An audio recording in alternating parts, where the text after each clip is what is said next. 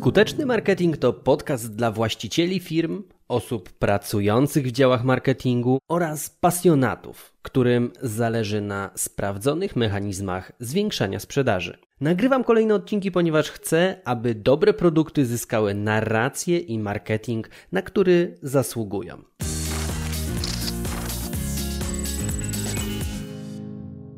Box a biznes, czyli co prawy sierpowy ma wspólnego z prowadzeniem firmy. 18 maja Hala Gwardii Warszawa, na widowni około 900 osób, a na ringu ja, oko w oko z moim przeciwnikiem.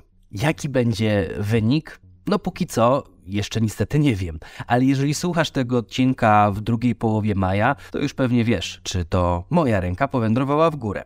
A więc mówię o tym, bo od kilku tygodni wylewam siódme poty w cieszyńskim klubie bokserskim Puncher, przygotowując się do gali boksu organizowanej przez Business Boxing Polska. Cel jest szczytny. Zbiórka na rzecz akcji Krwawy Sport, zainicjowanej przez legendarnego Jurasa, który wspiera dzieci i dorosłych, którym niezbędna jest transfuzja krwi. Z racji, że ostatnie tygodnie spędzam na ringu oraz przy worku bokserskim, to mimowolnie zacząłem zauważać pewne analogie świata biznesu, przechodzące no właśnie ze świata boksu. No i pomysł na ten odcinek jest dosyć ciekawy, bo ja będę opowiadał o boksie, ale postaraj się wyłapać jak najwięcej odniesień do biznesu, bo tutaj padną konkretne, mam nadzieję, dla Ciebie wnioski i wskazówki działania. Natomiast możesz e, tak pomyśleć, zastanowić się, skąd w ogóle ta synteza boksu i biznesu, jak mi to przyszło do głowy. Ja uważam, że sport jest doskonałą wykładnią tego, jak o sobie mówimy i co myślimy. No, przykładowo, zarówno wtedy, gdy idzie coś po naszej myśli, jak i wtedy, gdy dostajemy po przysłowiowej głowie i leżymy na deskach. Sport jest blisko biznesu w kwestii mentalnej, co znaczy, że pozwala wyciągać wnioski na podstawie swoich przemyśleń, ale jednocześnie jest na tyle daleko, że spoglądając na swoje myśli, te wnioski będą wyraźne. Mam nadzieję, że wiesz o co mi chodzi. To jest trochę tak jak w tej słynnej analogii, gdy trzyma się zbyt blisko oczy kory jednego drzewa, no to nie widać całego lasu, który jest dosłownie przed nami. Więc ta metafora myślę, że jest tutaj trafiona. Przejdźmy do konkretów i zacznijmy od początku, czyli od pierwszego treningu, bo kiedy idzie się na pierwszy trening, kiedy ci młodzi adepci, zazwyczaj młodzi stażem, idą na pierwszy trening, to mają takie wyobrażenie, że będą toczyć od samego początku nie wiadomo jak krwawe pójki, niczym taki Rocky Balboa, kiedy tylko włożą rękawice na swoje ręce. A w rzeczywistości, na pierwszym treningu trener bierze cię na bok i pokazuje w ogóle jak stawiać kroki, jak chodzić, jak się poruszać, gdzie trzymać ręce. Dopiero po kilku treningach zaczyna się wyprowadzać jakieś uderzenia pierwsze, a pierwsze sparingi to jest kwestia kolejnych kilku miesięcy. Na każdym treningu Dosłownie tysiące razy, wręcz do znudzenia powtarza się te same ruchy, których jest, jest tylko osiem, o czym za chwilę będę mówił. Wydaje się, że robiąc te same ruchy do znudzenia, stoi się w miejscu, nie progresuje się, nie robi się nic nowego. Po czym gdy po jakimś czasie na salę przychodzi ktoś zupełnie nowy, zielony, no jak ty wcześniej, to dopiero wtedy widzisz, jak długą drogę przeszedłeś, jak długa droga jest za tobą. Progres z dnia na dzień jest praktycznie niewidoczny, ale odpowiednia perspektywa i patrzenie na swoje umiejętności, właśnie z perspektywy laika, pokazują olbrzymią drogę, którą, kosmiczną drogę, którą wręcz się pokonało. Ale co gdy masz takie alternatywne podejście do boksu i uważasz, że wszystkiego jesteś w stanie nauczyć się sam, samodzielnie, Zosia Samosia i nie potrzebujesz żadnej sekcji trenera. Załóżmy, że możesz w tej sytuacji dojść do tak zwanego piwnicznego mistrza świata obijania, nawalania w worek. Taki mistrz może być dobry, nawet może być bardzo dobry w nawalaniu w worek oczywiście, ale niestety bezmyślna naparzanka prowadzi do utrwalania błędów, które stają się z czasem szkodliwe i trudno je wyeliminować. Mając przy sobie trenera,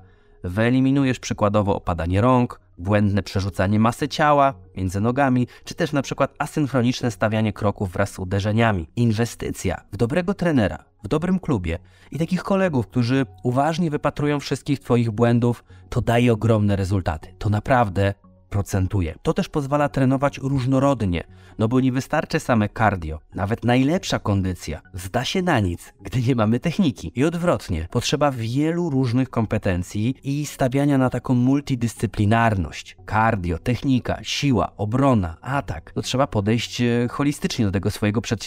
Tfu, rozwoju. W trakcie ciężkich przygotowań też nie można zapominać o błogim odpoczynku. Work hard, play hard. Im mocniej trenujesz, tym dłuższy i bardziej owocny powinien być Twój odpoczynek. No bo w przeciwnym razie możesz wykoleić się z tej bokserskiej trasy wskutek problemów zdrowotnych. I ten cały taki hastulujący vibe pójdzie na marne, no bo będzie trzeba leczyć kontuzję. Ale co z tych wszystkich treningów. No bo popatrz, nie wystarczy chodzić na same treningi, czyli chłonąć teorię bokserską. Trzeba regularnie sprawdzać się na sparingach, czyli w praktycznym boju, no bo to nam wskazuje, ile jesteśmy warci tak naprawdę w porównaniu do kogoś. I ja nie mówię tutaj o byle jakich y, sparingach. Możesz stawać tylko naprzeciw najsłabszych przeciwników i zostać takim fighterem w mieście, który na tych sparingach może i całkiem fajnie wypada, ale co z y, tym, jak dajesz sobie radę ze stresem i presją?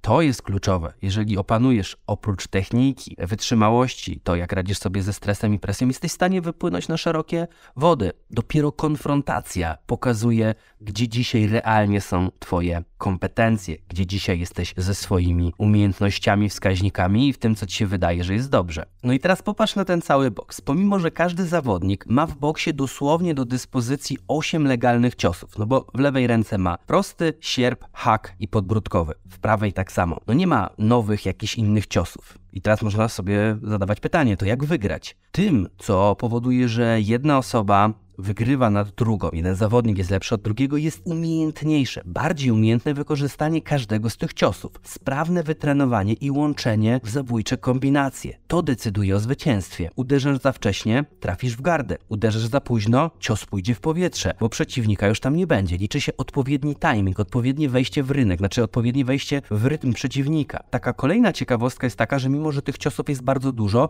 to nie każdy cios się akcentuje. Nie każdy cios jest bity z całej siły, no bo to wytrącałoby zawodnika z równowagi. Dlatego pewne ciosy celowo bije się lekko, aby tylko sprowokować przeciwnika, wyciągnąć jego ręce, żeby on wykonał jakiś ruch i dopiero w drugiej kolejności uderza się mocniejsze ciosy, mocniejsze działania. Na każdy mocny cios przypada kilka lekkich. Dodatkowo wcale nie chodzi nawet o to, co jest twoim najmocniejszym ciosem, co jest twoją najmocniejszą bronią. Bardziej chodzi o to, co jest najsłabszym ogniwem przeciwnika, z którym się mierzymy. Cała sztuka właśnie polega na tym, aby umieć dostosować się do tej sytuacji, wypatrzeć to, co jest słabym elementem i grać na to, w czym jest słaby przeciwnik. To jest dowód na to, że w ringu trzeba być elastycznym, no bo wygrywa ten zawodnik, który ma w rękach szerszy arsenał różnorodnych sposobów walki i swobodnie z nich korzysta, bo jest wytrenowany. Ale natomiast tutaj jest jeszcze jeden super ważny aspekt, bo nieważne jak bardzo się przygotujesz, to w pewnym momencie trafisz na mocniejszego zawodnika od siebie. Prędzej czy później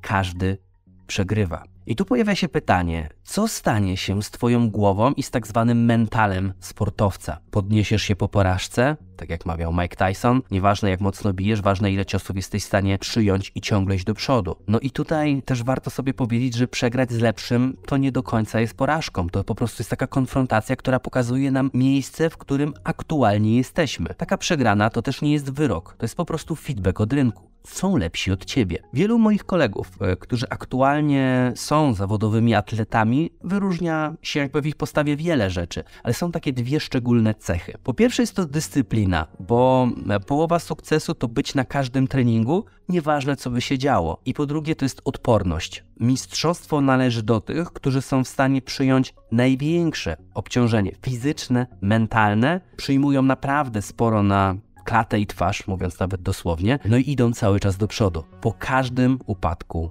wstają. Dodatkowo warto tutaj dodać, że taki już trochę z zupełnie innej mańki, że najlepsze kontrakty nie trafiają w ręce najlepszych fighterów, tylko tych, którzy oprócz umiejętności ringowych potrafią zrobić wokół siebie tak zwany hałas. Oprócz umiejętności trzeba być również medialnym. Doskonale robił to Mamed Ali czy wspomniany wcześniej Mike Tyson. Nie można też zapomnieć o zawodniku, który co prawda w innej dyscyplinie, bo w MMA wypromował całą dyscyplinę, a mowa tutaj o Conorze McGregorze. Jaki on robił wokół siebie marketing. Widać to także po zarobkach freakfightów, bo zestawiając ich z garzami profesjonalnych zawodników, freakfighterzy zarabiają więcej. To by nas prowadziło tak do takiego delikatnego wniosku, że więcej nie zarabia ten, kto lepiej bije, ale ten, kto potrafi bić, ale jest o nim głośniej. Dobra, to aspekt sportowy odłóżmy trochę na bok, e, no ale trzeba było też o tym wspomnieć. I na koniec jeszcze jedno. Możesz kupić sobie naprawdę wiele w sporcie. Najlepszych trenerów, najlepszych dietetyków, fizjoterapeutów, kucharzy, psychologów sportu, menedżerów, no ale finalny sprawdzian ma miejsce w ringu i tam